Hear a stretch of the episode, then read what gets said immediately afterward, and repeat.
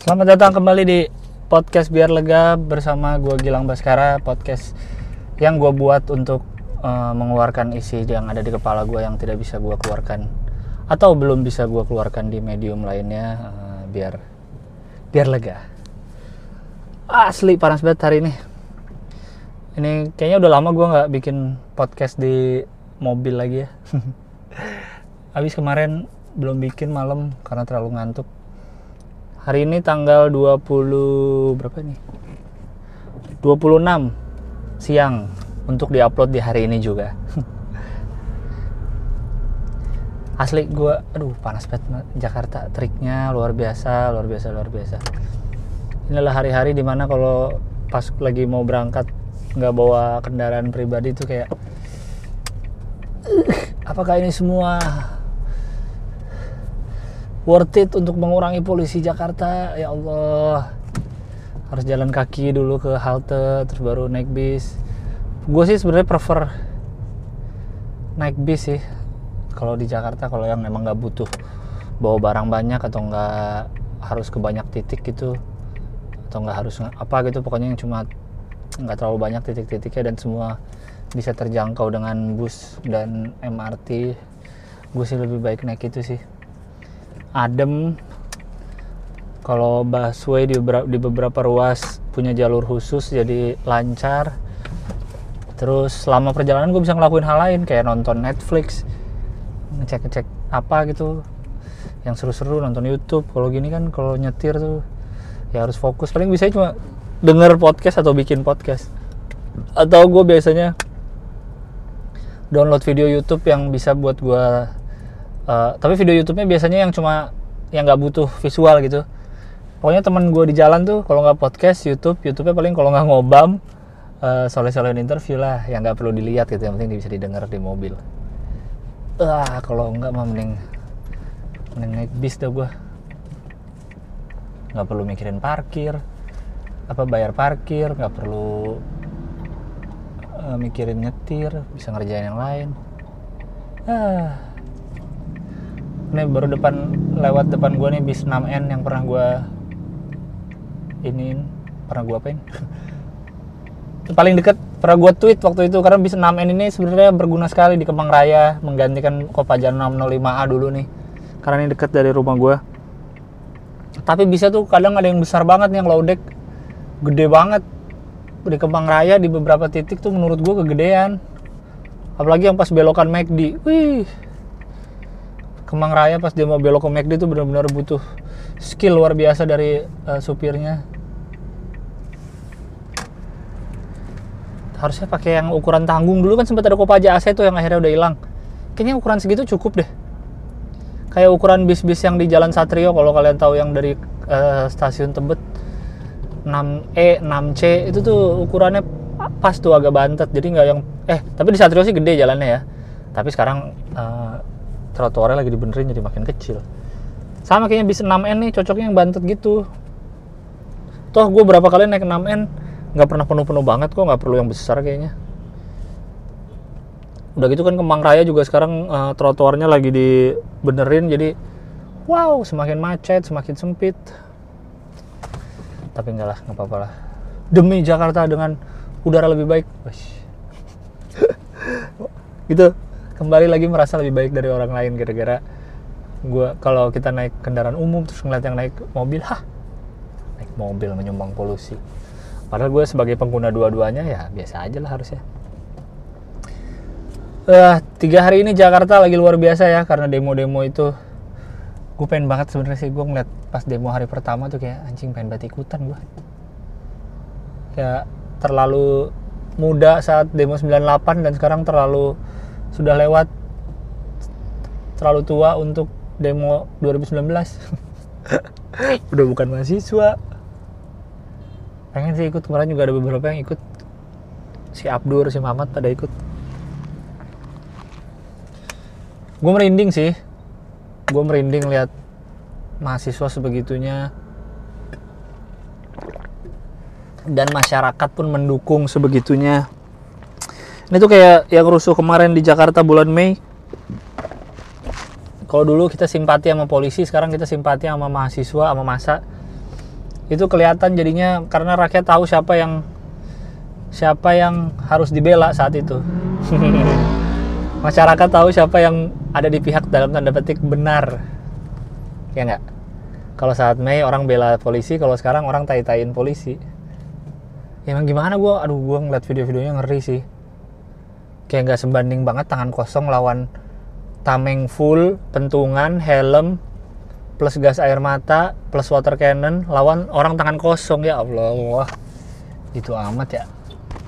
Aduh bingung gue dan gue sungguh bercampur aduk mix feeling saat melihat anak STM hari kedua kemarin ikutan. Itu gue campur aduk sih. Dalam hati gue nggak mau ada yang korban nggak mau ribut. Kasihan nih masih SMA masih muda-muda banget gue nggak mau. Tapi dari satu sisi lain gue seneng ngeliat mereka datang apalagi pas hari pertama anjir. Bener-bener kayak Avengers. Mahasiswanya kayak Captain Amerika gitu yang udah nyerah. Bukan nyerah sih udah capek gitu kan ngelawan polisi kenapa jadi rusuh? Tiba-tiba dari belakang lari bawa tongkat terus lari dengan dengan semangatnya. Teng teng teng teng teng jeng jet jet. Oke on your left luar biasa sih anak STM tuh. Gila gua. Gue sih sama sekali tidak mendukung kekerasan ya oleh siapa pun ya. Baik dari polisi apalagi dari mahasiswa dari si pelajar-pelajar ini. Cuma ya gimana? Passion mereka tawuran men. Anak SMA STM gue belum pernah ikut tawuran sih dulu. Tapi mereka punya energi yang sangat banyak untuk melakukan itu dan gila kapan lagi main tawuran didukung sama masyarakat? Kapan main dulu? Biasanya tiap anak SMA tawuran gue sebel ya gue pernah lihat soalnya berapa kali di jalan lagi naik mobil anjing nih anak-anak tawuran. Tapi sekarang gue seneng ngeliatnya coba. Semua juga seneng tuh ngeliat anak-anak SMA anak STM turun. Kapan lagi tawuran didukung masyarakat dikasih minum sama warga-warga? Aduh kacau sih. Gila mereka gue salut sama anak-anak STM itu pertama nyali tentu saja itu. It takes a very very big balls untuk melakukan apa yang mereka lakukan. Di umur segitu di badan yang mungkin gak gede-gede amat kecil-kecil tapi besar nyali melampaui besarnya fisik sih. Nyali sih gimana cara punya nyali segede gitu ya? Terus yang kedua adalah yang gue salut solidaritas solidaritas gila tuh kan yang dari Bogor dari Bekasi dari mana-mana STM bener-bener bersatu. Men biasanya STM saling berantem loh. Ini bersatu emang Indonesia tuh butuh musuh bersama biar jadi bersatu. Kayak dulu uh, lawan Belanda kayak kalau timnas lawan luar negeri kalau timnas lagi main semua supporter bola kan bersatu dukung timnas gitu. Ini anak STM udah turun tinggal nunggu supporter bola turun rusuh sih kalah polisi sih kalau supporter bola sampai turun kayaknya. Nyali men. Gue liat kalau kalian lihat video yang bertebaran di internet kemarin yang ada anak STM mau ditangkap terus dia putar balik naik motor. Emang salah sih putar balik terus dikejar sama polisi ditarik. Eh ada temen-temennya STM datang malah gantian yang STM yang ngejar polisi. Kan aneh anjing. Dan kalau lu perhatiin ada yang nendang kepleset tuh kan. Jadi kan yang naik motor jaket putih. Ditarik sama polisi. Terus jatuh si jaket putih. Datang temennya pakai baju merah.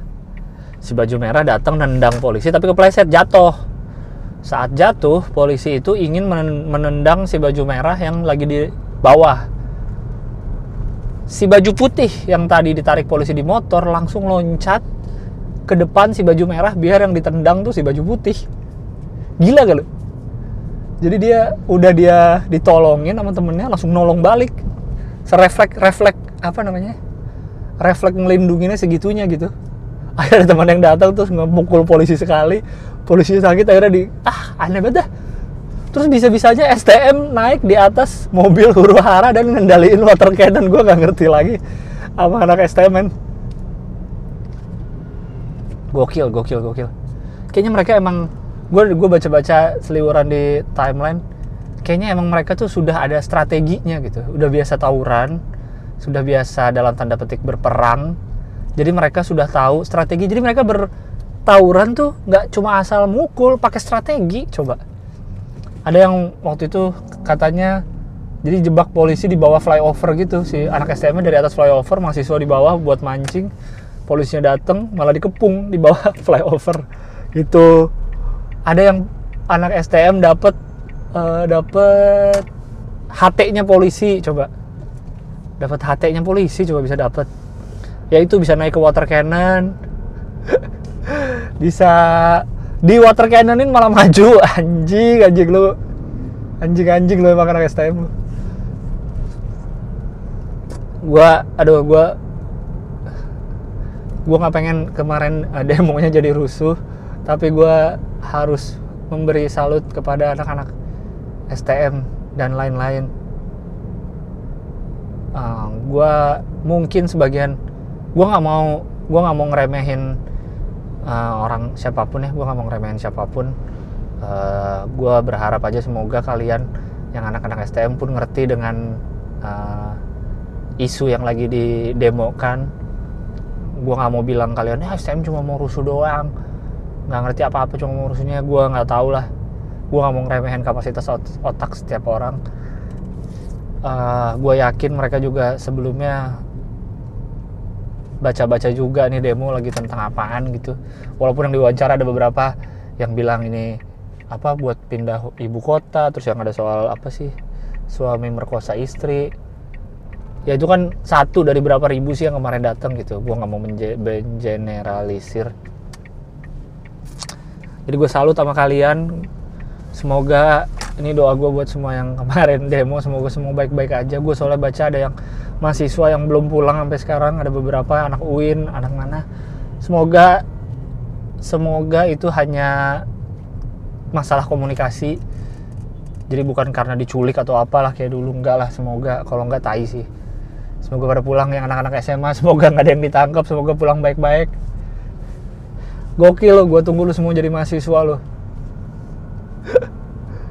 Aduh. Kocak orang-orang. Uh, eh, gue kemarin gue pengen ngomongin apa tadi ya? Oh gue kemarin bebas keingetan sama pidatonya Steve Jobs. Woy. mungkin sempat sempat ini tuh sempat rame juga tuh pidato Steve Jobs di wisudanya kampus apa ya? Gue lupa. Pokoknya terkenal deh ada foto videonya di YouTube banyak. Dia dia speech ngasih speech di wisudanya BSI Kalimalang apa ya? Enggak lah. Bukan di BSI Kalimalang di Gundar. Dia ngasih speech di wisuda kampus di Inggris eh di Inggris di Amerika. Gue lupa intinya yang kalau yang paling terkenal kutipannya tentu stay hungry stay foolish. Itu yang paling terkenal. Uh, terus juga dia bilang selalu berpikir kalau besok lu mati gitu. Jadi hari ini lu lakukan lu hari ini lu maksimalkan sebaik mungkin. Karena lu selalu berpikir kalau besok lu mati besok gue mati. Jadi hari ini gue harus ngapain gitu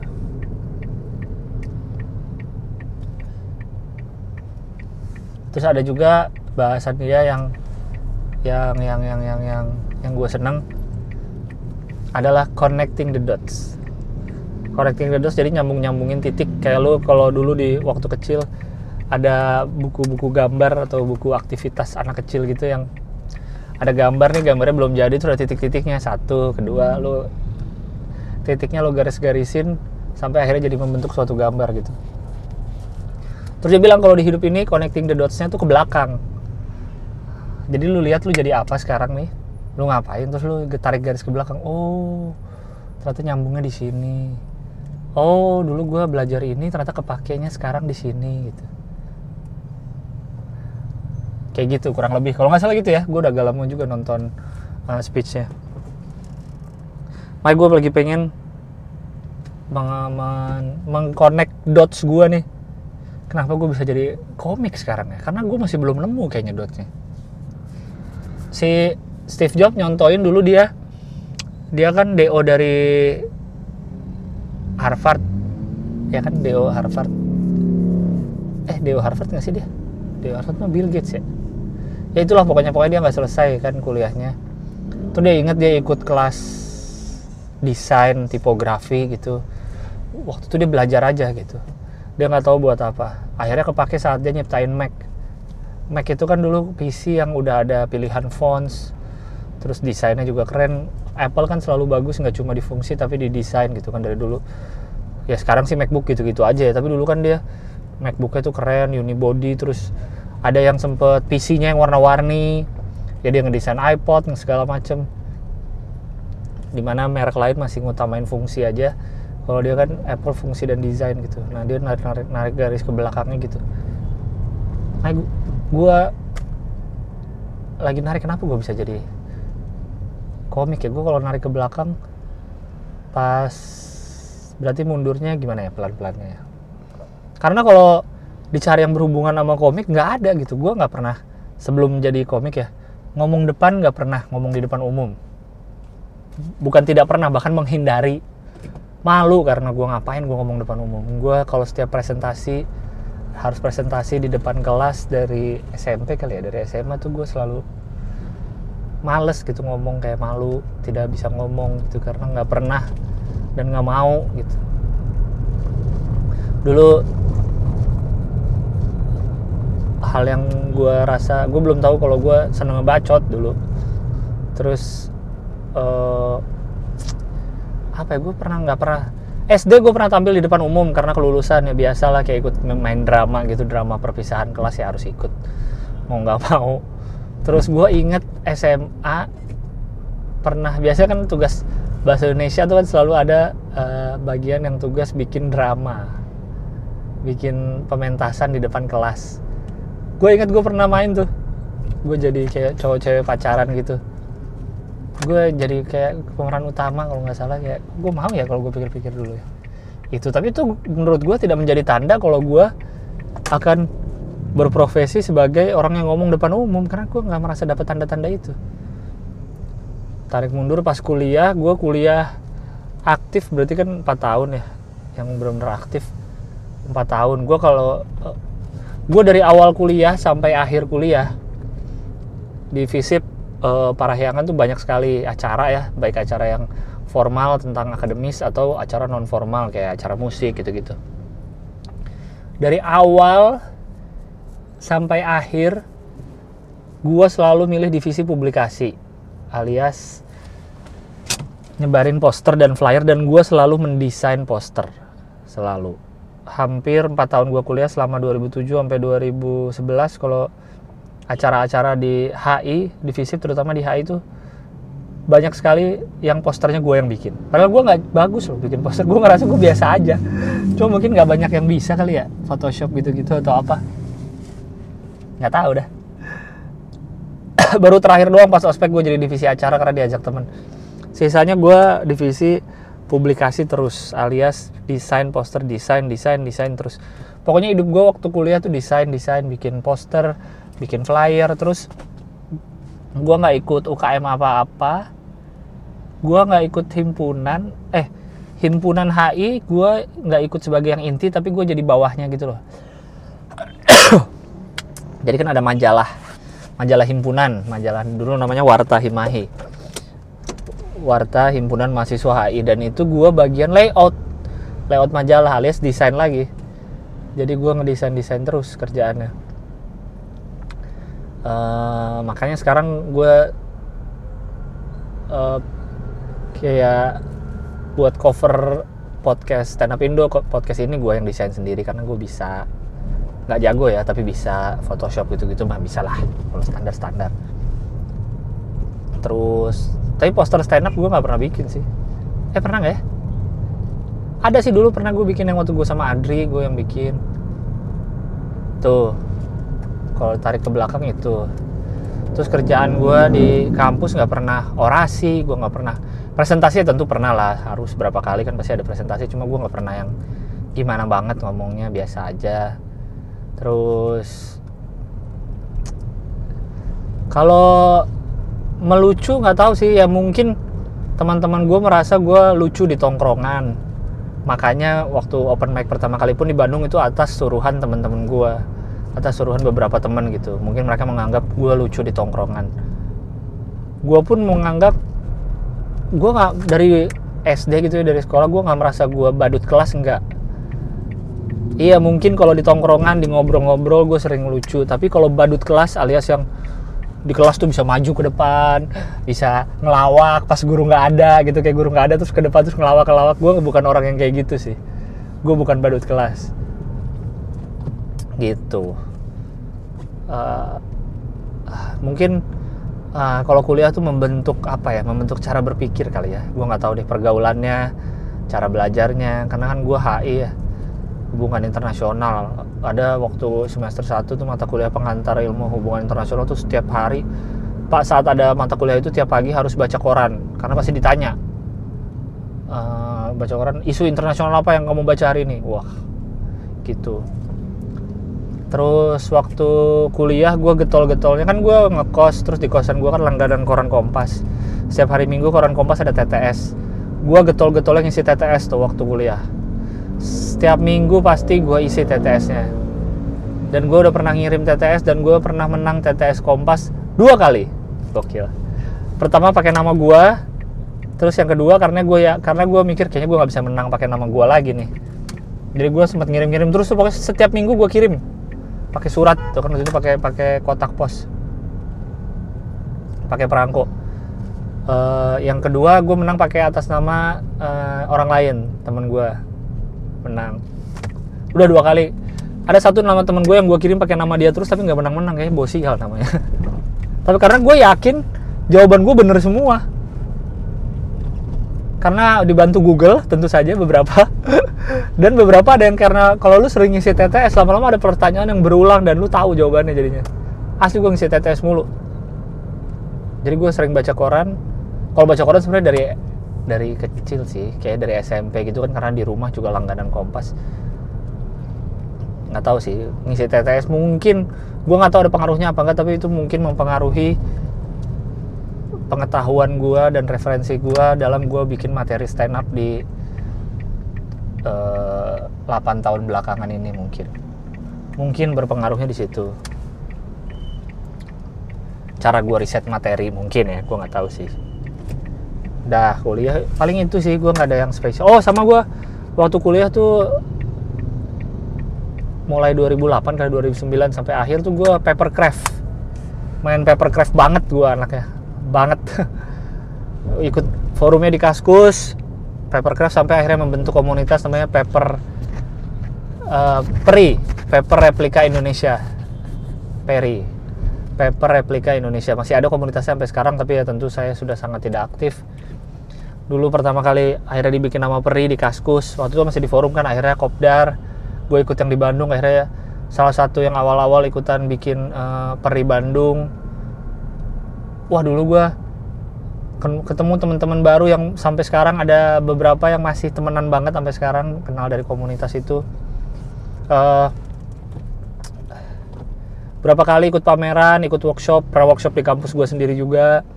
Pernah sampai di lapangan Tegalega buka but anjing gerah banget di kota baru Parahyangan berapa kali. Lo gitu yang di Tegalega tuh ulang tahun Dahlia FM radio dangdut gokil. Dan kadang ada duitnya kadang enggak tapi itu ngelakuinnya seneng banget asli. Jauh-jauh naik motor gue pengen ngantuk-ngantuk pulang dari Dahlia eh dari Tegalega. Dulu kan di Cembeluit gue di karena di Unpar. Uh, kosan di Cembeluit tuh cukup jauh. Naik motor dibonceng temen gue bawa. Setiap pameran tuh bawa apa namanya bawa kontainer gede-gede karena kan papercraftnya gede-gede dan bawanya harus hati-hati kan karena itu kan kertas semua. Kalau kesenggol-senggol dikit penyok atau apa jadi bawa hati-hati. Gue ngelakuinnya dulu seneng banget asli apakah itu yang disebut passion Cela. kan katanya gitu kan sesuatu yang kita seneng ngelakuin tanpa dibayar pun kita seneng ngelakuinnya. Dan itu ya kadang kita ya, jual nggak jual pola karena sebenarnya jual pola nggak boleh karena kan itu download dari internet gratis. Jadi yang paling yang dijual adalah biaya ngeprint sama kalau yang polanya bikinan lokal ya atas izin desainernya boleh dijual ya dijual. Tapi kan penghasilannya paling berapa sih? Gue inget nggak banyak kok penghasilan dari papercraft paling uangnya juga buat selesai beberapa dipakai makan makan indomie pulangnya makan warkop. Gitu aja berapa kali nikmat banget ngelakuinnya. Itu gue juga nggak tahu ya ngaruhnya ke apa ya sekarang nih di pekerjaan gue terus tarik mundur ke belakang SMA SMA gue ngapain ya? Kayaknya gue belajar belajar Photoshop tuh sering uh, getol-getolnya tuh SMA sih. SMP SMA enggak SMA SMA gue belajar Photoshop getol-getolnya SMA dulu gue suka otomotif sampai sekarang sih gue suka permobilan. Tapi kalau SMA dulu gue suka banget soal mobil-mobil modif tapi gue nggak punya mobil. Jadi gue tiap majalah motor dulu terbit gue pasti beli tapi nggak langganan tapi pasti beli tiap minggu. Majalah motor desain desain habis itu gue ngeliat ada satu namanya gue ingat banget J Design J E Design J, namanya gue lupa siapa nama asli orangnya. Jadi dia ngedesain jadi kan gue waktu itu udah belajar Photoshop ya udah bisa lah Photoshop jadi dia bisa ngemodif mobil uh, digimods jadi digital modification jadi dia ngemodif mobil tapi di Photoshop oh bisa ya nah akhirnya kan Photoshop gue suka, mobil modif gue suka, gue menggabungkan dua hobi itu tuh. Oh bisa, akhirnya gue belajar tuh cari. Dulu ada website juga di luar negeri, gue lupa nama websitenya apa tuh, website-website yang emang isinya digital-digital modification gitu. Gue belajar ganti velg, ganti cat, nambahin body kit. Bisa gue dulu di Photoshop, pasti bisa sih sampai sekarang kalau diinget-inget caranya mah. Sampai akhirnya gue ngirim iseng gue ngemail ke majalah motor nih. Gue gilang gue bisa ngedesain-desain gini. Akhirnya gue sempat diwawancara masuk majalah motor masih gue simpan majalah motornya sampai sekarang. Seneng banget gue gue dipanggil ke kantornya di jalan panjang. Uh, terus di dia diwawancara. Habis itu ada ada kali gue masih simpan semua sih. Ada kali 5 edisi. Di bawah 10 sih 5 sampai 7 edisi kali gue ngemodifin mobil. Dibayar satu gambar 100 ribu. Gue inget banget seneng banget dapat duit sendiri. Cawa majalah motor. Jadi misalnya ada mobil baru kayak dulu EPV EPV baru keluar terus kan karena mobil baru kan belum ada yang modif kan. Jadi gue disuruh bikin nih kalau nanti EPV dimodif bisa kayak gini loh gitu. Jadi gue modif tuh EPV ada misalnya satu mobil tuh dua dua tiga macam lah. Gue inget EPV gue pernah modif Vios dulu Vios baru modif racing modif elegan gitu gitu uh, yang dipakai yang ditayangin dapat seratus ribu. Terus gue inget uh, gaji pertama gue dari Photoshop tuh kayaknya uang yang pertama kali gue dapat dari sesuatu yang gue bisa kerjakan tuh itu deh. Dapat 800 ribu gue inget akhirnya uang pertama gue beliin jam tangan Levi's yang karet. Inget gak lo dulu zaman 2004 2005 tuh Levi's ngeluarin jam tangan karet terus ngetren banget warna-warni orang-orang pada beli segala macam akhirnya gue beli yang warna hitam. Beli di Melawai. Anjing gue inget banget di Melawai Plaza sama nyokap gue uh, 800 ribu harganya kalau nggak salah. Levi's yang itu masih ada sampai sekarang jam gue itu walaupun karetnya udah sempet putus-putus jadi udah ganti karet baru. Tuh gue tarik ke belakang lagi dotsnya. SMA gue itu. Gue nggak ada apain lagi ya UKM eh UKM ekskul basket cuma sampai kelas 2 sisanya ikut jujitsu gitu-gitu aja. Cuma sabuk putih. Pas ujian sabuk kuning gue kesiangan gak berani datang takut dihukum. Uh, jadi telat tapi gue datang ke kan sekolah gue di 34 ya Pondok Labu. Ujiannya di UPN Pondok Labu. Universitas apa Pembangunan Nasional. UPN Veteran deket situ. Gue udah dateng tuh tapi gue lihat dari jauh aja. Karena gak berani masuk karena takut dihukum karena telat. Jadi gue sabuk putih terus sampai lulus SMA ah, kacau. Terus lagi gue ya? Tarik garis lagi SMP SMP gue lebih oh gawe anjing. Ngapain ya SMP ya gue kegiatannya ya? Main sama teman-teman. Main bola. Oh sempet sosok hampir tawuran tuh gue SMP karena diajak-ajak temen kan ikut. Akhirnya gue ikutan deh ya udah deh. Gue dulu kan SMP masuk siang kelas 1 tuh. Eh apa apa, apa pas kelas 2 ya? Nunggu di dekat Ragunan situ tapi akhirnya nggak jadi karena musuhnya nggak ada nggak datang tau udah temen gue udah bawa apa sih tuh air air soda eh bukan air air keras bukan air keras sih. Kayak di air di botol gitu kan kalau dilempar pecah ntar airnya bikin, bikin gatel atau bikin apa itulah nggak tau gue SMP ya sama aja gue pemalu. Maksudnya bukan pemalu saya nggak pernah ngomong depan umum gitu. Nggak ada gue juga bingung ya. Tarik garis lagi ke belakang SD ya SD lagi gue kagak ada ngapa-ngapain. SD gue kelas berbakat. Dari kelas 2 sampai kelas 6 tuh gue di kelas berbakat terus. Jadi teman gue itu itu aja nggak pernah ganti. Paling nambah kalau ada anak baru. Jadi ada di SD gue ada kelas berbakat dulu. Jadi orangnya itu itu aja padahal gue nggak ngerasa pinter-pinter amat. Dan ya itu gue selalu merasa diri gue lebih banyak hal bagusnya di luar hal akademis sih. Ya kayak SMA gue kelas 1 ke kelas 2 hampir nggak naik. Ya SD ya gitulah. SMP pokoknya gue nggak pernah nggak pernah bright gitu. Nggak pernah jadi anak yang ranking satu uh, juara olimpiade matematika kagak ada lah ya paling itu gue papercraft sering ngedesain. Oh waktu SMP eh SMP apa SMA ya? Oh SMA gue pernah ini nih. Jadi ada lomba. Oh jadi pelajaran KTK eh KTK apa sih namanya? Dulu kesenian iya KTK pelajaran seni. Ada suruh desain poster hari bumi. Hari bumi nasional apa hari bumi internasional gitu. Di di sekolah yang posternya bagus akan diikutkan di lomba hari bumi yang se Jakarta gitu. Karena teman-teman gue tahu gue bisa Photoshop jadi kan boleh desain posternya manual pakai krayon digambar sendiri atau pakai uh, pakai oh, digital. Karena teman-teman gue tau bisa Photoshop jadi akhirnya temen gue minta dibikinin tuh empat orang gue yang bikinin di desain dari mereka gue bikinin. Set set set eh bener masuk ke yang buat seleksi Jakarta. Poster-posternya gokil. Akhirnya ikut tuh keragunan tuh tapi poster gue nggak menang. Kalau nggak salah salah satunya kan gue bikinin empat nih buat empat teman gue salah satunya tuh ada yang dapat juara kalau nggak salah. Tapi yang yang bukan atas nama gue yang atas nama gue malah nggak menang. Kalau nggak salah ya. Gue baru ingat tuh di Ragunan di kebun binatang Ragunan tuh. Dilombakannya lagi. Di uh, pusat apa primata Smoothzer yang tempat gorila. Anjing gue inget banget. Gitu. Gue dulu belajar Photoshop tuh karena gue kan suka gambar ya dari kecil.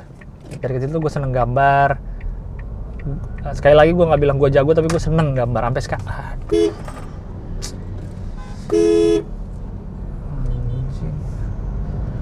Ah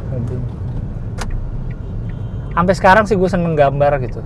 Dunia seni tuh gue seneng banget gambar. Nah karena gue seneng gambar terus bokap gue bokap gue beliin buku tebel tuh isinya cara membuat animasi. Wah, jauh ya naik levelnya ya dari suka gambar dibeliin buku cara buat animasi. Nah di buku itu walaupun sampai sekarang akhirnya gue nggak bisa bikin animasi di buku itu dikasih tahu software-software yang diperlukan kayak ada Macromedia Flash, ada Photoshop 7 dulu tuh. Awal-awal kan Photoshop 7, ada Adobe Illustrator, ada, ada apa lagi itu ya? Uh, Macromedia Flash. Banyak deh pokoknya. Akhirnya yang diinstal di komputer rumah waktu itu Photoshop, uh, Corel Draw, eh Corel Draw ya, Photoshop, terus uh, Adobe apa yang satu lagi ya, Illustrator ya. Itulah akhirnya yang di install itu. Nah, ya gue dikit-dikit mempelajari buku itu, tapi akhirnya yang gue pelajarin banget, yang gue pelajarin banget hanya Photoshopnya akhirnya. Gue tuh lama banget pakai Photoshop 7 karena gue nggak mau, gue udah suka user interface-nya, gue nggak mau ganti. Gue pakai Photoshop 7 dari SMP sampai kuliah pertengahan tuh gue Photoshop 7 terus bayangin Photoshop 7 gue udah udah sampai Photoshop CS gitu kan dulu awal-awal tuh gue nggak mau gue karena gue nggak mau berubah interface gue udah enak pakai Photoshop 7 gue nggak mau berubah takut nggak ngerti. Norak banget ya terjebak di masa lalu. Gitu jadi dulu laptop gue lambat banget lagi pas kuliah. Ngedesain ngelayout war apa namanya si majalah kampus tuh pakai Photoshop 7 terus ngerendernya lama banget ih. Nah, itu tuh makanya gue masih connecting the dots nih gue nih. Ya di tengah-tengahnya kalau suka mainan itu dari dulu dari kecil, cuma baru getol lagi membeli mainan pas kuliah, pas udah punya apa namanya rekening di bank bisa transfer transfer jadi bisa beli online. Sama mulai getol banget lagi ngoleksi mainan ya saat saat punya duit sendiri saat udah masuk dunia stand up udah punya duit sendiri.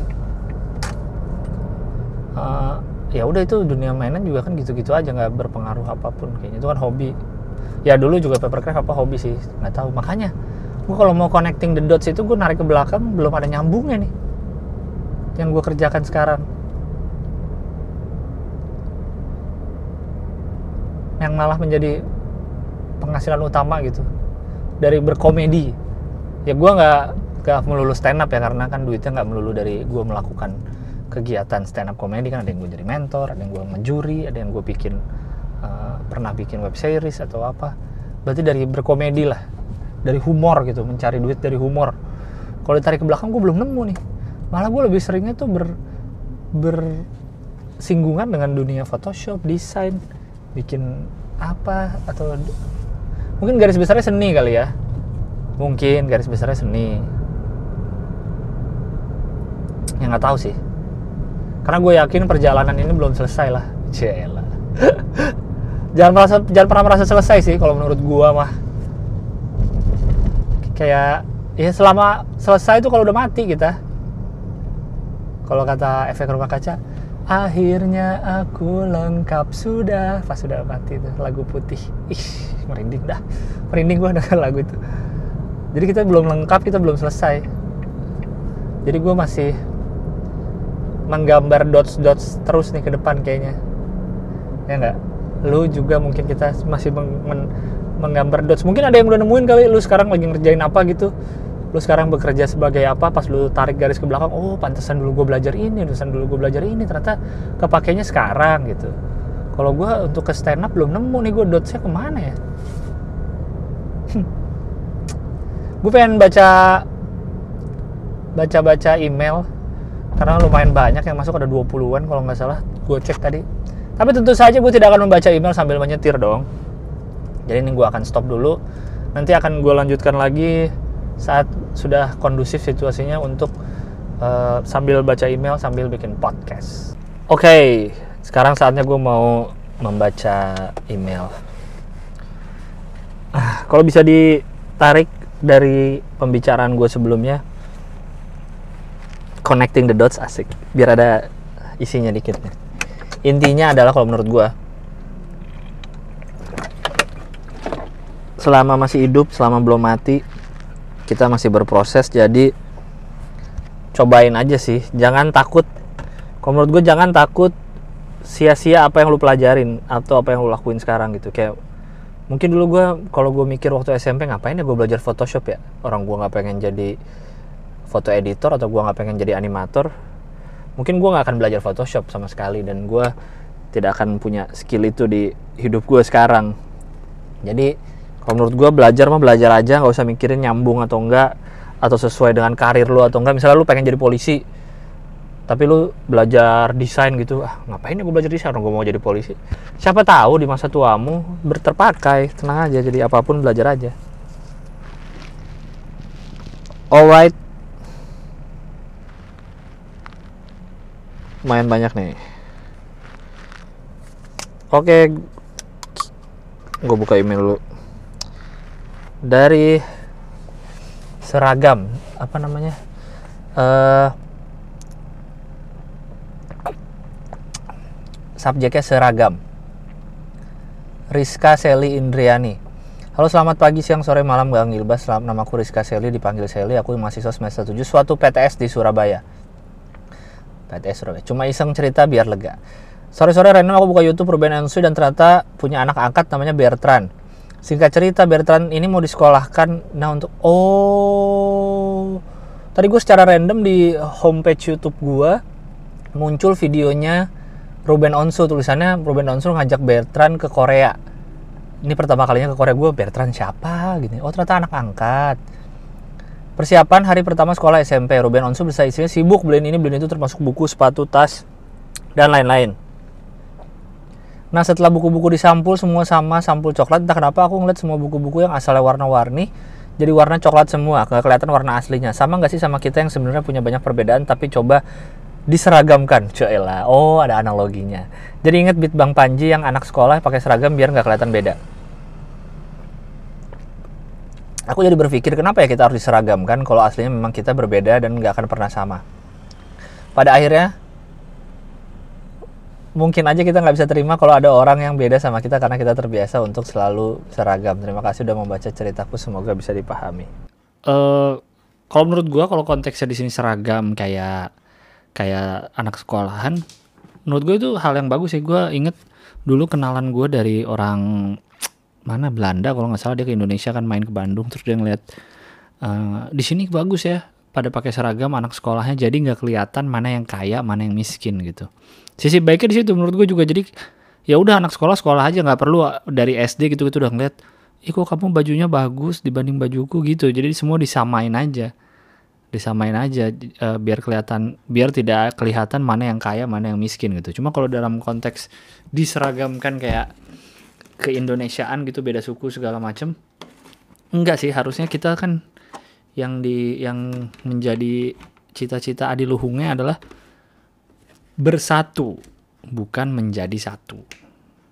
Jadi nggak bukan jadi sama tapi yang gimana yang beda-beda itu bisa bersatu. Gitu.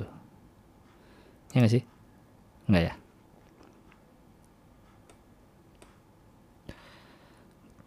ini apaan sih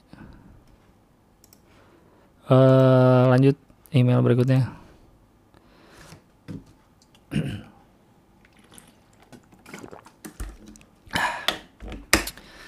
Dear Manggilang, biasa sang podcaster pusaka hadir kembali dan mengganggu hidup Manggilang. Kamu selalu mengaku sebagai podcaster, ngopromoin podcast. Tapi kamu email mulu. Kamu lebih sering bikin podcast apa lebih sering email? Aneh. Loh saya mau curhat nih, kok gimana makin hari makin gak tenang kerja di Jakarta, makin gak betah, makin gak enak. Apakah itu karena doktrin dari orang-orang dan manggilang yang juga sering bilang bahwa Bandung adalah tempat ternyaman untuk tinggal? Kenapa ya kok saya ingin meneruskan usaha kupat Barjah Cipara ini terhalang oleh gelar S1 Unikom yang saya emban? Kenapa ya? Soalnya tidak boleh punya gelar untuk menjadi seorang entrepreneur gitu aja tulisan saya nggak tahu. Terakhir saya stand up 2013, gimana saya ingin stand up lagi di Jakarta mulai dari nol, tapi kok malas siap. Nuhun pisan mang. Seperti yang udah saya bilang berkali-kali, kalau seneng lanjutin, kalau nggak seneng tinggalin. Udah, nggak usah ribet hidup. Kalau lu nggak merasa nggak senang di Jakarta, udah tinggalin aja lah. Terhalang oleh gelar, ya pusing. Mending kayak gue nggak selesai kuliahnya kan jadi nggak terhalang gelar. jangan, jangan, jangan, jangan. Stand up terakhir 2013 kalau mau mulai dari nol kok males. Ya udah kalau males nggak usah. Slow, santai kok. Seneng lanjutin, nggak seneng tinggalin udah. Beres. Nur Nurlia Aldisa, Dear Bang Gilbas, mau nanya gimana awal mulai terbentuk konten boring, lalu jadi boring bokir. Gimana sih? Kok bisa relate anak Unpar dan Unpad? Menurut Bang Gilbas, konten boring bokir selain ngobrol Unpad bakalan seru lagi ngobrolin apa? Kalau boring ya karena gue mau sudah temenan lama dan sering ngobrol. Jadi kayak ya udah deh obrolan kita kita rekam sekali-kali, udah gitu. Itulah kenapa muncul boring. Terus kenapa jadi boring bokir karena udah sempet nih kayak oh si Boris aja kah jadi di boring jadi bintang tamu atau apa akhirnya ya udah ngajak Boris. Terus kebetulan kami gua sama Boris di Unpar si Uus di Unpad. Ya udah bahas itu sesimpel itu kok. Eh, nggak uh, nggak ribet-ribet uh, pemikiran dibaliknya. Selain seru ngobrolin apa? Nggak tahu sih. Ngobrolin apa aja harus bisa seru ya. Gimana ngobrolnya kan ya nggak? Uh, Zut Zutriana, oh Zutriana udah pernah. Assalamualaikum bang, waalaikumsalam. Thank you bang udah dibaca email saya. Thank you hiburan gratisnya. Sebenarnya pas lagi susah tidur dengerin bang Gilbas makin kagak tidur sih. Ujung-ujungnya tidur jam 2 juga. Jangan dong. Baru saya denger cerita Bang Gilbas tentang jambore betul bakso bakar nggak cuma ada di Malang loh Bang. Saya dari SMA di Bekasi ada abang-abang bakso bakar yang udah gede toko dan ramai banget. Kuliah di Palembang depan fakultas juga jejer bakso bakar sampai ujungnya saya di Dumai Rio bakso bakar juga satu jam yang juga kesimpulannya bakso bakar nggak cuma di Malang. Oh iya ya. Ya mungkin gue nggak pernah nemu aja kali. Nama saya Zultriana aja gitu bang. Tapi saking pengennya dulu punya nama belakang jadi nambahin nama belakang kakek. Nama karena orang tua saya cuma eh juga namanya cuma oh nama kamu tuh Zultriana doang. Udah nggak ada yang lain-lain. Zu Zutria ah namanya Zultriana tapi emailnya Zutriana oh simple ya pendek namanya kalau ujian ngisi LJK komputer cepet. Semoga sehat selalu bang walaupun posisi Jakarta makin parah tapi daerah Riau lebih kacau bang. Sekolah udah libur dua minggu waktu waktu belum diliburin banyak anak sekolah Duma yang pingsan ya Allah. Mohon doanya biar bakar bukan banyak orang. Gue sumpahin yang bakar matinya dibakar juga. Bodoh. Gila gue ngeliat yang di Jambi sampai merah gitu kayak pakai filter. Udah nggak bener tuh. Udah gitu uh, individunya yang ditangkap diliatin tapi pas itu uh, pengumuman dari pemerintah tidak mau mengumumkan nama perusahaan yang membakar. Ah cupu. Pasti ada kepentingan di balik itu. Sorry kepanjangan emailnya. Thank you bang Gilbas thank you juga satu lagi. Oh ini lanjutan si Zutriana lagi. Satu lagi bang email lagi dia. Saya juga follower Papin di Twitter dan Papin tuh orang pertama yang merubah pandangan saya tentang orang yang dikenal banyak orang. Nggak semua orang yang terkenal itu mager respon follower mereka kayak Papin di hashtag setor gambar. Itu kan orang-orang yang ngirim nggak cuma direspon wah keren wah bagus. Papin juga minta ada cerita di setiap gambar. Dari cerita-cerita mereka Papin juga ngasih saran gimana bagusnya gimana baiknya Parah kece banget emang papi keluarga. Soalnya tahun lalu sering banget ikutan setor gambar zaman zamannya saya doyan banget sama yang namanya lettering sama doodle. Sekarang udah nggak terlalu. Dan selalu direspon sama papi sama Dita udah gitu aja bang. Yoi keluarga mereka sangat uh, inspirasional. Zahra Capricorn Girl kembali mengemail unsubject how big a sick How big a significant difference seorang Gilang Baskara when on and off camera? Eh, uh, gue nggak ngerasa ada yang beda ya. Gue stand up pun gaya deliverynya gaya bikin materinya gitu-gitu aja. Gue nggak ngerasa nggak nggak sengaja gue bedain gitu. Maksudnya gue stand up nggak gue konsep oh, gue pengen kayak gini ah stand up ya. Nggak ya gue merasa stand up gue dan gue sehari-hari itu kayak gitu aja sama. Jadi on and off kamera kurang lebih sama lah gue begitu. Dear Gilbas Eka Rere Haha itu Sri kayak suka hati sampai jadi cover podcast. Iya soalnya gue waktu itu bingung mau cover podcast apa terus gara-gara ngebahas itu udah gue masukin itu. Kirim alamat ntar saya kirim ke Jakarta deh Sri Kaya karena nggak mungkin juga dalam waktu dekat ada acara di Pontianak kan karena di sini juga kabut asap makin parah hari ini aja tanggal 20 sudah di level bahaya. Wow. Gak lah nggak usah dikirim gue cuma bercanda kok. Saya bukan orang Pontianak juga sih cuma kebetulan lagi tugas dari kantor di sini tapi nggak tahu sampai kapan bisa balik Jakarta. Oh memang orang Jakarta. Aslinya udah itu makanan-makanan yang saya sebutkan kemarin dimakanin. Enak. Kue teo polo. Ih mantap.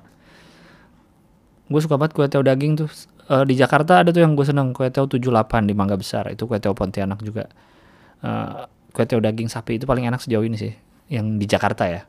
Sama dia ada sari kacang juga yang minuman kacang hijau tuh ya di Pontianak. Di yang di Mangga Besar dia jual BTW makasih ya udah bikin video boring bor, boring Boris, boring bokir. Unpad versus Unpar asli ngakak banget dan merasa nostalgia denger karena gue juga anak Unpad tapi 2005. Sukses terus buat kalian semua. Regards Ekar Yanti. Ya, terima kasih banyak Unpad 2005. Ya, nggak jauh-jauh beda berarti ya sama kami-kami ini angkatannya. Halo Bang Gilbas, saya Habib Tabik, namanya Habib Habib Tabik pakai Q jadi ada kol-kolahnya. Habib Tabik saya Habib dari Gresik. Selama ini seru dengerin podcast ini karena podcast dan podcast Stand Up Indo menemani lembur kerja. Thank you. Mau nanya nih Bang, sebenarnya idealis tuh perlu nggak sih Bang? Terima kasih sudah dibacakan. Sehat selalu Bang Gilbas dan semua yang mendengarkan. Amin. Idealis perlu sih. Menurut gua, kayak biar lo tahu lu tujuannya ke mana, lu kerja buat apa, lu pengennya ngelakuin apa. Tapi jangan selalu diartikan idealis tuh kayak yang anti kemapanan, tidak mau dibayar. Saya ingin oh, tidak anti kapitalisme. Menurut gue beda-beda sih. Mungkin ada orang yang idealismenya uang. Uang tuh adalah idealisme dia gitu. Jadi kalau lu lihat dia bekerja karena uang ya karena emang tuh idealisme dia. Atau mungkin ada yang idealisme dia, mungkin kalau di komik mungkin ada yang dia anti TV. Ya udah itu idealisme dia. Ada yang idealismenya adalah gue cuma mau tampil di, acara-acara yang keren. Ya udah itu deh idealisme dia gitu. Jadi jangan terlalu mengkultuskan idealisme kalau menurut gue. Tapi perlu harusnya sih. Eh, ih kok eh, ya error. mm, mm, mm, Pengen curhat biar lega. Assalamualaikum Bang Gilbas, sebut saja Rocky asal dari Pontianak. Uh, sebut saja ya, berarti namamu yang di email nih, maksudnya ini merahasiakan ya. Karena nama email dia dan nama nama dia tuh beda. Aneh juga, terus dia sekarang pengen dikenal dengan nama Rocky. Oke. Okay. Pertanggal 21 September sekarang setelah men sekarang setelah mendengar podcast Bang Gilwa jadi pengen curhat ya udah silakan jadi sebenarnya aku pengen curhat berapa bulan terakhir aku ada gitu bang jalan bisa dibilang ya PDKT gitu dah tapi yang aku deketin dua orang sih dan lebih parahnya di hari yang sama dua-duanya bilang kita lebih enakan temen ah lebih enakan temen doang dong bang asli lah mood ancur. Mau kuliah mager kerja mager mood jelek belum lagi asap masuk rumah kambuh asma. Ada oke segitu aja bang. Makasih.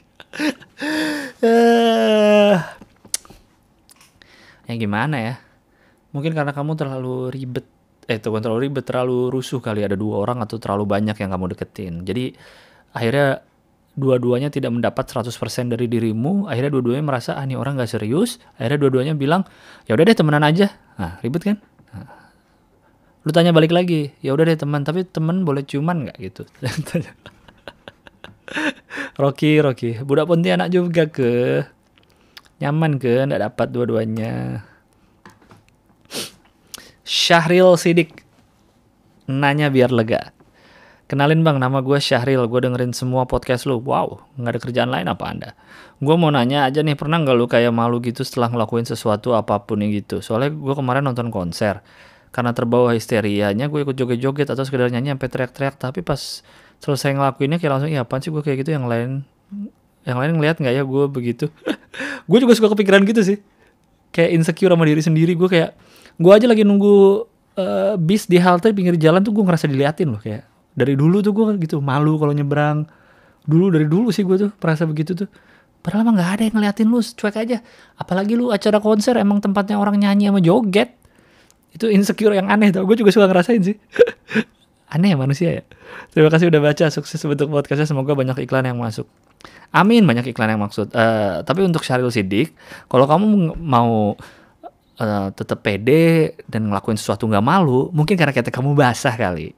Coba deh pakai Rexona Man untuk ketek tetap kering. Gak ada yang itu bukan iklan yang bohong gua, nggak ada iklan Rexona masuk.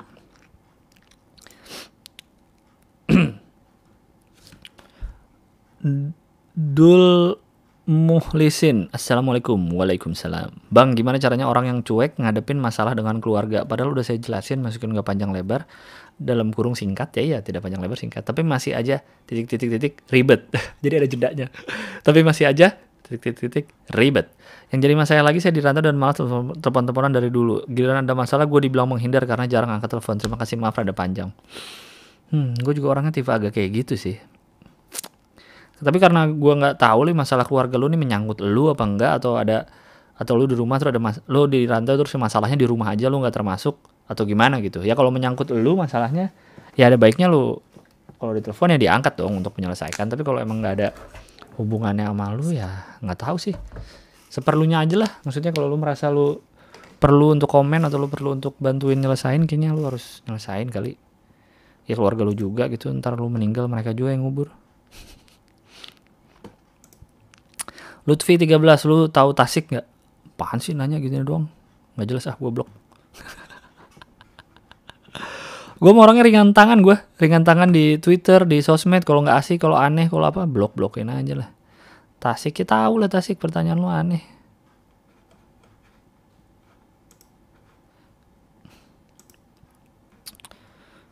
Lah kok Gmail gue error nih? Bentar refresh dulu ya tungguin bentar ya lumayan masih ada. Tadi total ada 20 24 20 25 email kalau nggak salah.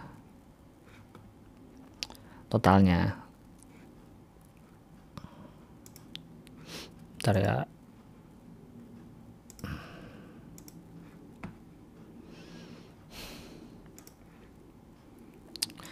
Lanjut halo kak Gilbas email ini nggak perlu dibacain di podcast nggak apa-apa oh nggak oke nggak akan gue bacain di podcast Ismi Azizah Gue lagi baca dalam hati dulu ya. Oke, amin. Terima kasih banyak Ismi Azizah nggak gue bacain di podcast. uh, Ramadan Nur Faizi nanya biar lega.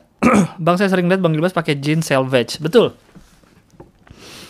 Kalau pakai denim gitu rutin nggak bang? Makainya rutin ngejar fadingnya nggak? kok saya mah susah eh mau ngejar fading tapi males make apalagi yang 15 os ke atas kan berat betul. Tapi si celana pengen fading. Kalau bang Gelos pakai jeansnya ngejar fading juga apa enggak bang? Benar-benar dipakai tiap hari apa enggak celananya bang? Nanya biar lega. Uh, ya gue baru gue baru mulai membeli jeans jeans yang raw ya yang mentah gitu tuh baru mulai 2000 2000 pas ucap pertama kayaknya 2015 gue inget gue berkenalan dengan Mischief gue baru kenal merek Mischief di Bandung. Pertama kali beli merek raw eh merek raw yang jenis raw tuh mischief tapi yang yang standar waktu itu yang bukan yang salvage yang 14 os tapi raw gitu. Jadi uh, eh, gue sih sebenarnya nggak ngejar fading yang sampai harus fading total gitu. Ada honeycomb ada apa tuh yang di bawah namanya? Ya itulah ada uh, ada yang back pocket fade terus yang whisker yang gitu-gitu gue nggak ngincer-ngincer banget sih. Karena gue sempet sempet baca juga forum-forumnya kan gila orang-orang rajin banget hanya untuk dapat V itu sampai sea wash ke pantai sengaja dipasir-pasirin. Gue ngejar gue sengaja gue suka beli yang raw biar fadingnya kebentuk sendiri nantinya. Jadi gue bukan beli fading jadi tapi gue nggak ngejar banget gitu loh nggak nggak yang beli baru terus gue pakai tiap hari gue gue tekuk-tekuk kan banyak yang bilang gitu kan seringin jongkok gitu gue nggak sampai gitu-gitu sih dan gue baru punya yang salvage tuh um, baru punya satu dua dua lah kayaknya gue punya eh, Iya mischief. Gue mischief semua sekarang jeansnya. Sama ada satu L House. Tapi L House gue cuma punya satu, jarang gue pakai lagi karena uh, fitnya kurang kurang oke okay di gue menurut gue ya. Menurut gue fitnya L House di gue kurang. Mischief udah paling cocok sama gue. Jadi gue punya satu yang Berserker tuh yang 18 os kalau nggak salah. Itu yang celana terberat gue tuh. uh, emang udah udah berat, gerah lagi ya kan pakai jeans yang uh, tebel gitu. Aneh apalagi kalau gue liat yang 21 os sampai 22 os gila ini yang nggak nggak tahu jeans bingung nih ngomong apa lagi tahu gue juga uh, apa namanya gue salut sih sama yang anak jeans yang jeans banget gitu sampai sampai sampai kayak gitu. Uh, ya udah gitulah intinya. Tapi emang gue seneng beli yang raw. Uh, Effendi Chung. Kenalin bang nama gue Fendi. Pertanyaan gue sederhana. Menurut bang Gilang apa itu bahagia? Thank you bang. Ini filosofis sekali nih. Pertanyaannya simple tapi kayaknya susah dijawab. Menurut gue bahagia itu adalah saat lu bener-bener merasakan uh, apa ya? Bahagia itu konsep yang susah sih. Maksudnya bahagia itu sesuatu yang kita kejar di hidup kayak kayaknya nggak ada tujuan hidup lain selain untuk bahagia sih tujuan hidup gitu apa pun yang lu lakukan sekarang pasti tujuannya untuk bahagia gitu nggak sekedar senang tapi untuk bahagia. Mungkin lu dengan punya istri lu bahagia dengan lu anak ada empat lu bahagia dengan melihat orang tua lu senang lu ikut bahagia itu. Tapi bahagia itu apa ya? Saya juga bingung. Terima kasih Fendi sudah membuat saya berpikir tiba-tiba. Bahagia itu sederhana. Celah nggak.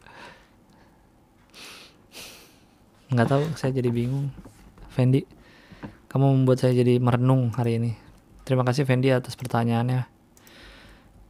Saya akan merenungkan apa sih sebenarnya yang saya cari di hidup ini. Kebahagiaan seperti apa yang saya cari di hidup ini sebenarnya. Oke? Okay. thank you.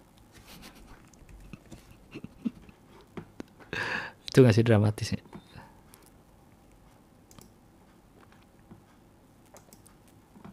Lanjut masih ada 10 lagi tapi gue mau bacain ada yang DM gue kemarin kayaknya gue bacain juga ada DM di Instagram mana ya udah gue udah gue screenshot kemarin oh ini dia dari Etnur Saitama Halo bang, gue salah satu pendengar podcast lu bang. Awalnya lagi iseng-iseng cari podcast di Spotify, akhirnya saya ketemu podcast lu. Saat berapa kali saya dengerin podcast abang, saya suka banget dengan obrolan atau pemikiran yang abang bawa di podcast. Wow, masih sih?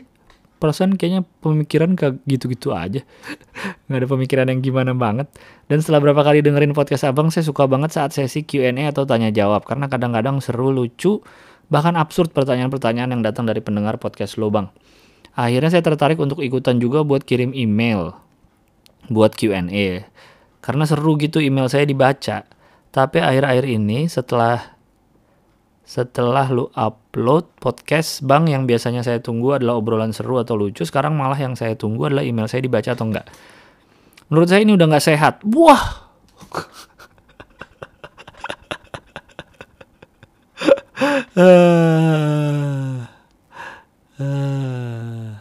Kocak juga loh nggak sehat dong. Bisa juga podcast jadi nggak sehat ya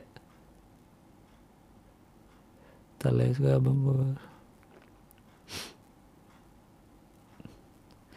Menurut saya ini jadi nggak sehat. Sekarang funnya seakan-akan hilang karena yang awalnya saya dengerin podcast lu bang buat dengerin isi pikiran lo. Malah sekarang saya nungguin email saya kebaca atau enggak. Saran aja deh bang, kalau lu bang nggak keberatan lebih baik sesi Q&A lu hilangin. Karena nggak seru aja gitu yang awalnya saya dengerin podcast lu karena isi pikiran lu bang. Tapi sekarang saya nunggu email saya dibaca atau enggak. Entahlah apa cuma gua yang gini. Cuma lu karena gue nggak peduli sih. Kalau lu nganggep podcast gue nggak sehat nggak usah didengerin. Masih banyak podcast saya yang lebih bagus asli dah. Ah jangan didengerin. Intinya adalah ya ya terima kasih kalau lu dengerin terima kasih kalau lu tidak senang. Ya udah nggak usah dengerin lagi gitu aja simple gue mah. Ntar biar nggak nggak nggak aduh biar biar lu nggak usah pusing dan merasa tidak sehat gitu ya nggak tapi terima kasih loh Nur Saitama aku jadi merasa podcastku ini sama dengan flu gitu bikin gak sehat.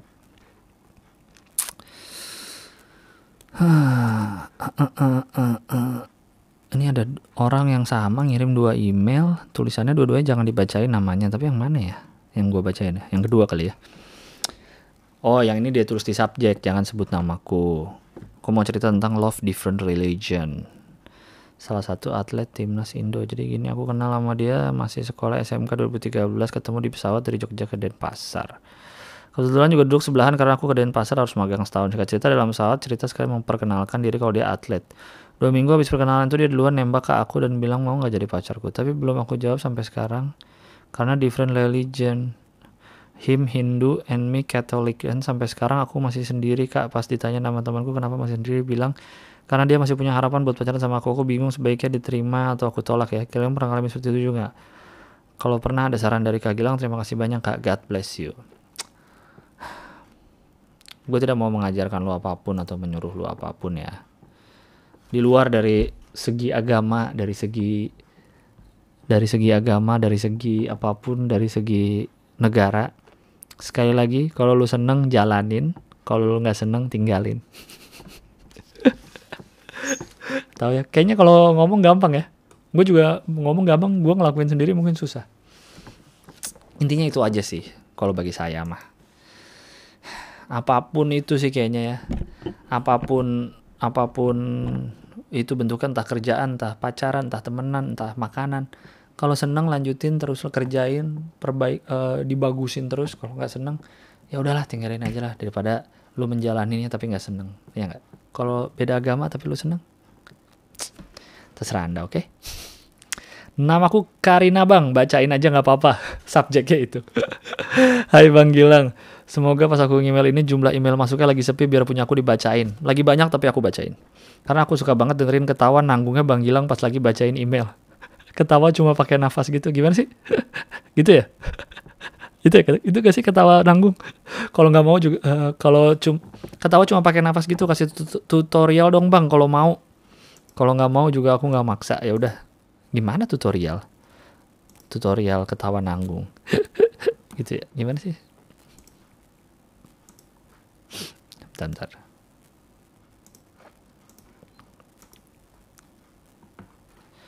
Oke lanjut lagi Mana sih? Ah, pertanyaanku cuma satu nih, apa perubahan terbesar yang pernah abang lakuin dalam hidup? Karena selama tahu seorang Gilang Baskara di TV, YouTube, dan podcast, abang adalah salah seorang yang paling gitu-gitu aja dan stabil. Udah itu dulu deh, terima kasih Bang Gilang. Itu-itu aja tuh gimana ya maksudnya ya? Perubahan terbesar yang pernah abang lakuin? Perubahan, gak ada sih. Gue belum pernah kerja kantoran. Jadi kerja sebagai komik ya udah langsung kerja sebagai begini gitu. Jadi nggak ada bukan perubahan. Kayaknya perubahan terbesar gue dalam hidup adalah menjadi orang yang berbicara dan tampil di depan umum sih gitu karena dari seperti yang udah gue ceritakan tadi dari SD sampai sebelum gue kenal stand up gue tuh orang yang sangat pemalu sangat males ngomong depan umum yang ngomongnya rame di tongkrongan doang gitu malu depan umum malu depan kelas malu apalagi depan umum ya depan kelas aja malu pendiam nggak banyak omong gitu sih. Makanya kalau yang orang yang sudah kenal gue dari yang udah kenal gue dari SD gitu kenal gue dari lama pasti ngelihat gue sekarang kerjanya begini kayak kok bisa ya? Padahal kan dulu pendiam bla bla gitu sih. Kurang lebihnya begitu. Perubahan terbesar mungkin itu kali di hidup gue lanjut. Aditya Reis oh ini yang kemarin nih biar lega Assalamualaikum Bang Ilbas, Waalaikumsalam. Jadi gini, saya kan kerja jadi editor video, saya sih nggak masalah sama kerjaan saya, malahan seneng karena sesuai hobi. Tapi masalahnya orang tua saya bang, mereka nganggap kerjaan saya ini ecek-ecek karena gajinya masih kecil dan kerjaannya nggak jelas katanya. Karena mereka nggak paham, mereka nganggap kerja di PT Pabrik lebih baik dan jelas. Oh tentu saja. Udahlah tinggalin aja editor. nah kan bang Bang Gilbas stand up komedian tuh. Mana itu adalah profesi yang tidak wajar di lingkungan keluarga. Enggak, keluarga gue semuanya stand up komedian. Jadi aman-aman. Bang Gilang pernah ngalamin apa yang saya alami atau enggak? Kalau pernah gimana? Terima kasih Bang Gilang. Assalamualaikum. Waalaikumsalam. Nggak tahu ya, uh, di keluarga gua, nyokap bokap tuh nggak pernah ngomong gua harus jadi apa. Jadi selama ini gua kerja begini, ya mereka cuek-cuek aja gitu, nggak pernah ngomong. Nggak pernah ngomong mungkin dalam hatinya nggak suka kali sebenarnya. nggak tahu sih. Ya intinya gitulah, intinya malah mereka gue ngeliat supportnya pasti dan doanya sudah pasti gitu. Karena dulu pas suci gue stand up di Kompas pasti ditonton mulu setiap setiap syuting. Kayak gitu. Uh, jadi ya itu wajar lah orang tua namanya juga. Orang tua kan mungkin pikirannya orang tuamu mungkin masih umuran yang kerja kantoran tuh lebih lebih lebih lebih menjamin gitu. Intinya intinya kelihatan dari lu nya sih kalau menurut gue kalau lu nya konsisten lu nya lu nya konsisten lu nya kelihatan serius gitu ngerjainnya dan akhirnya ada hasilnya atau ada pembuktian yang bisa. Walaupun gue paling gak suka pembuktian sih gue kayak ngerasa kita nggak perlu buktiin apa pun untuk siapa pun sih menurut gue ngapain gue pingin biar orang lihat kalau gue bisa sukses ngapain orang lihat sukses buat lu aja sendiri lah ya orang lihat boleh orang apresiasi boleh tapi nggak usah buat orang lain gitu yang lu lakuin. Ya walaupun menurut gue gitu tapi kalau untuk orang tua lu mungkin harus dibuktiin dengan itu kali udah diem aja. Maksudnya lu kerja aja ngapain ngelakuin yang lu seneng? Bikin sesuatu sampai akhirnya orang tua lihat oh anakku tuh kerjanya gini keren banget ya. Gitu. Ya gak sih? Gila gue bijak banget di sini ya. Rizky Amanda Monday Market. Oh dia nonton yang nonton kemarin Monday Market nih. Halo Bang Gilbas. Oh ya kemarin Senin kan gue tampil di Komika Monday Market rilis lagi nih mengirim email nonton penampilan Bang Gilang kayaknya bakal jadi kebiasaan habis nonton nih Bang Gilang terus ngirim email ke sini. Makasih Bang udah tampil dengan asik di GI tadi tap eh tapi cemiu ya. Yeah. Correct me if I'm wrong, cemiu ya nggak sih bacanya cemiu nggak sih? Kok nampaknya penonton tadi cukup sulit untuk dihadapin ya. Habis dari awal kayaknya penonton berasa irit aja gitu. Oh, dari awal kayaknya ketawa penontonnya berasa irit gue ngerasa para penampilnya kayak ngeluarin tenaga ekstra biar pecah gitu bang. Apa emang waktu bang Gilang manggung di sana sebelumnya juga kayak gitu?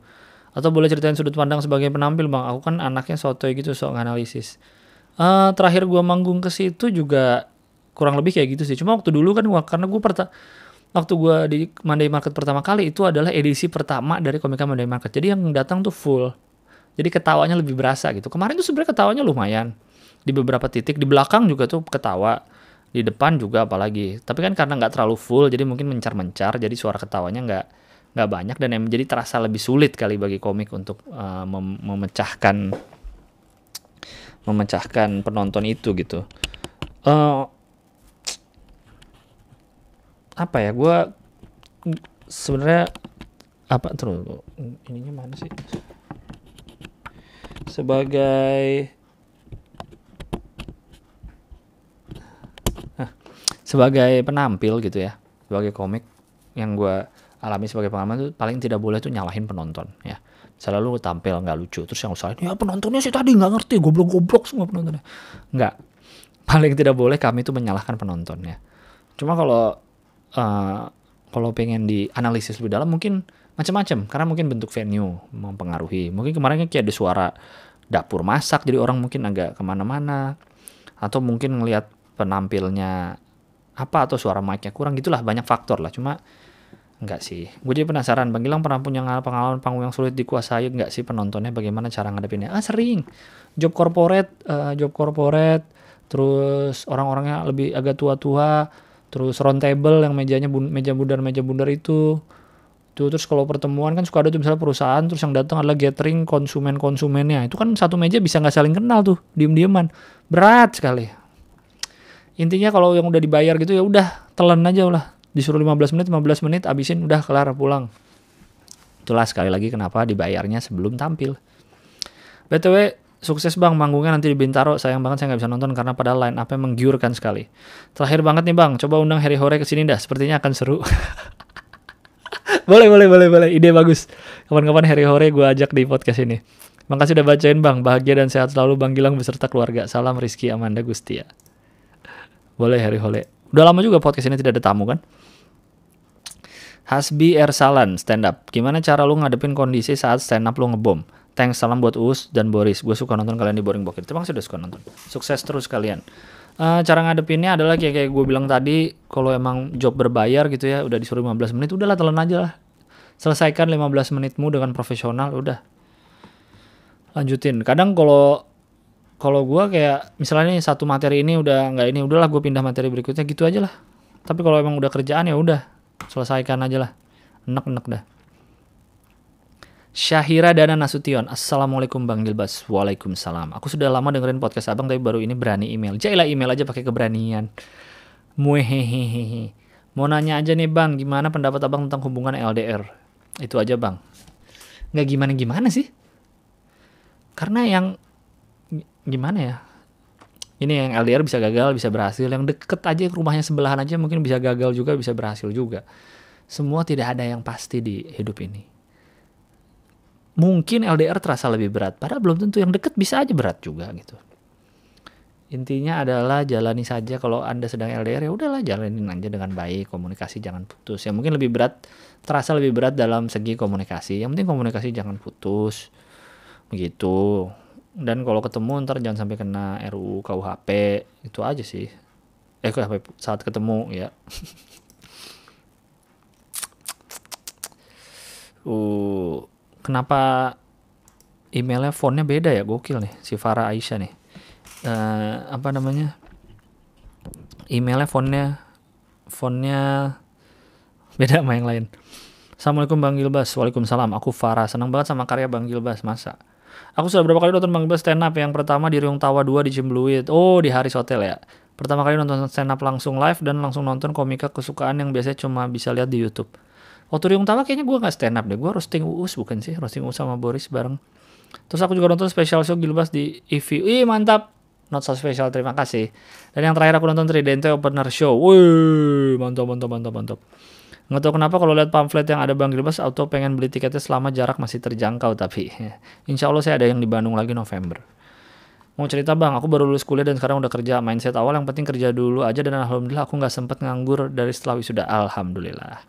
Tapi ternyata lingkungan pekerjaan bikin aku nggak jadi diri sendiri. Hari-hari biasanya aku suka banget bercanda, tapi di sini lebih banyak diem dan lebih sering memilih untuk YouTubean aja pakai headset dan volume full.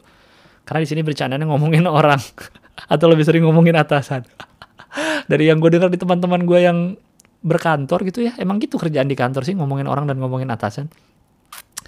Lanjut, dan yang aku nggak suka, sebelumnya mereka kalau ada si atasan tuh bercanda dan ngeladenin candaan atasan. Tapi setelah atasan masuk ruangan, mereka langsung ngomongin dan ngetawain. setelah cerita ke teman-teman yang udah kerja, ternyata ada beberapa yang ngerasain hal yang sama. Udah gitu aja ceritanya biar lega takut kepanjangan. Makasih bang, udah bacain. Semoga sukses dan sehat selalu bang Gilbas. Ya kan gue nggak pernah ngantor ya. Tapi yang gue denger emang gitu sih. Kantor tuh sikut-sikutannya lebih parah ya.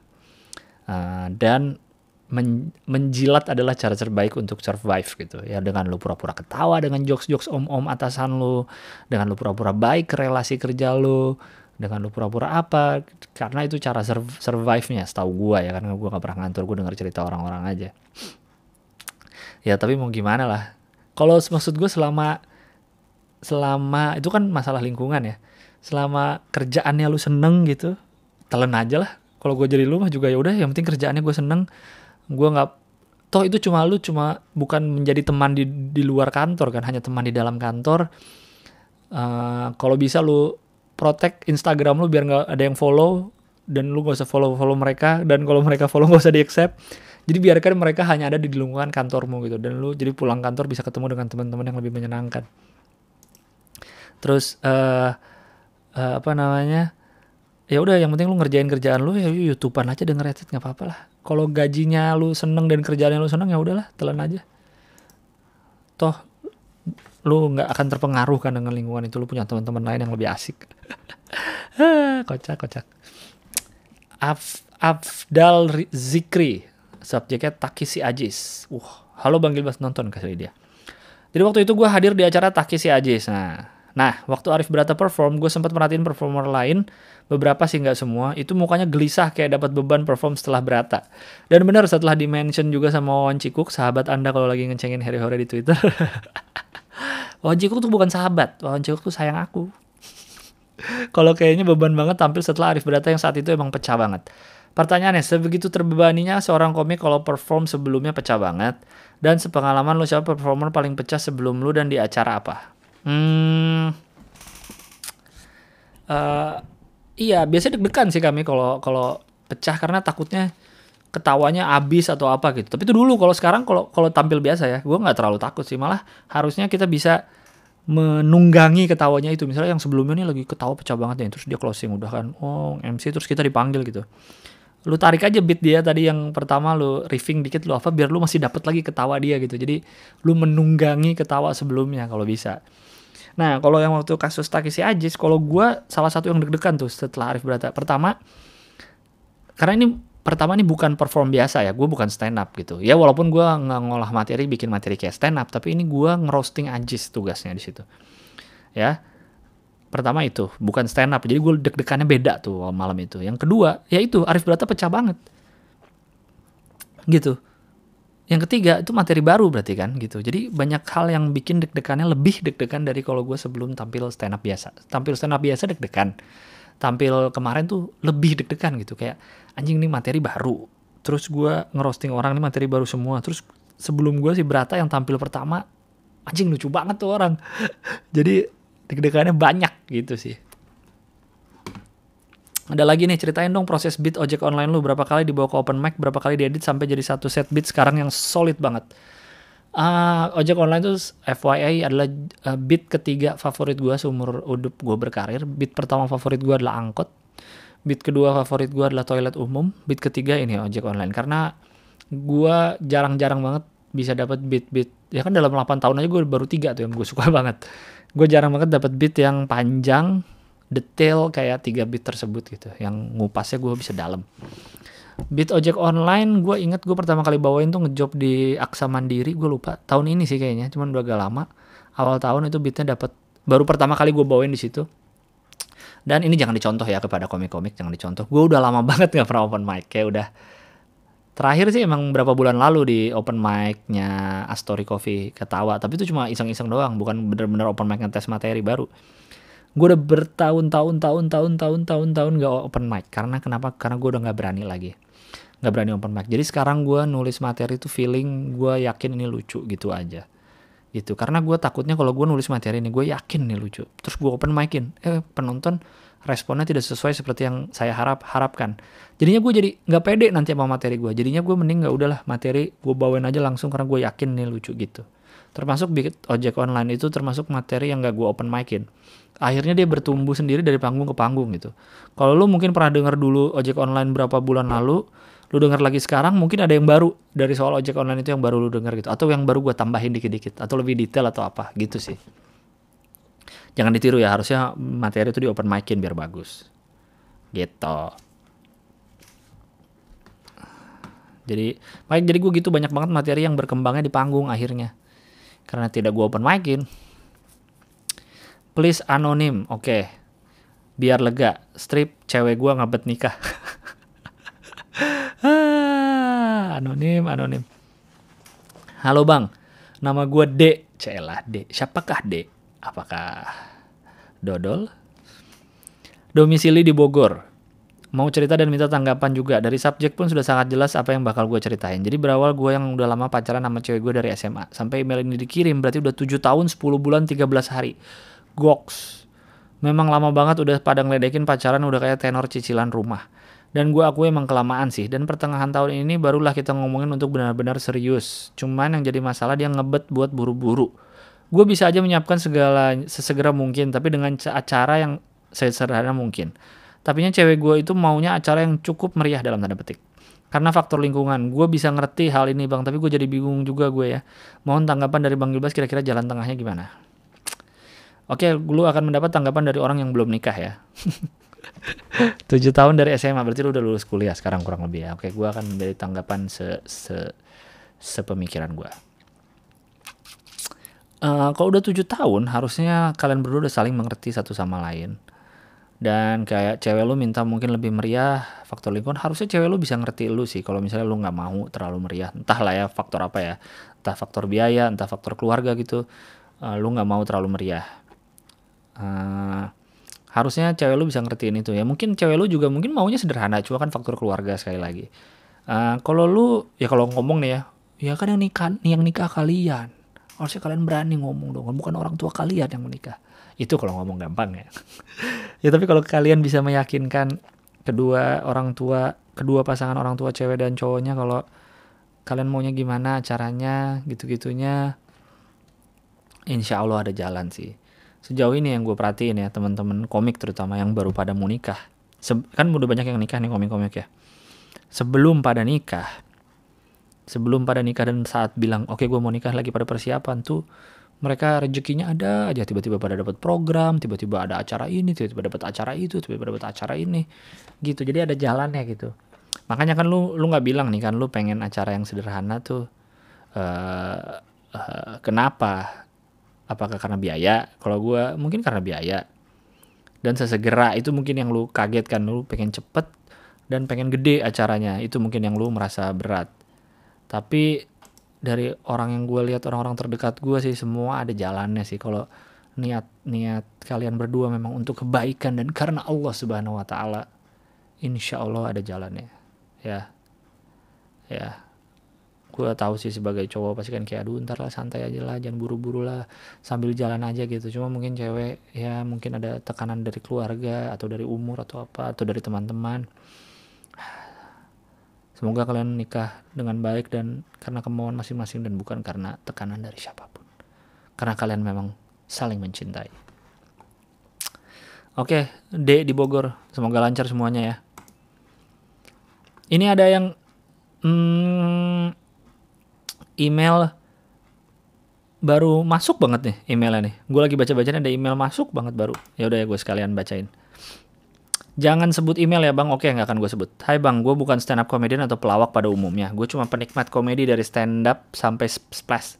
He, dari stand up sampai slapstick. Gue juga suka nontonin beberapa videonya Raditnya, gue udah berapa lama ya?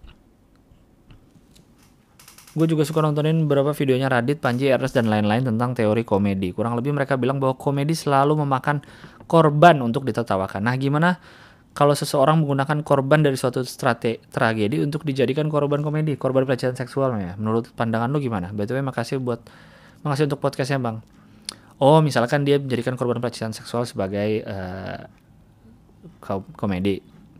Kalau gue gini, menurut gue kan orang bilang jangan bahas agama nanti orang tersinggung, jangan bahas uh, seks nanti orang tersinggung. Kalau menurut gue bahas apa pun pasti akan ada yang tersinggung, oke? Okay?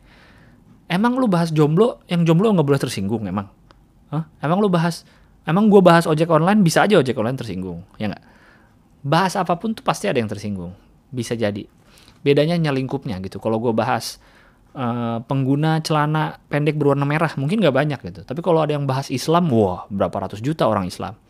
Bedanya itu aja gitu kan ketersinggungan. Tapi subjek apa pun akan ada yang tersinggung ya.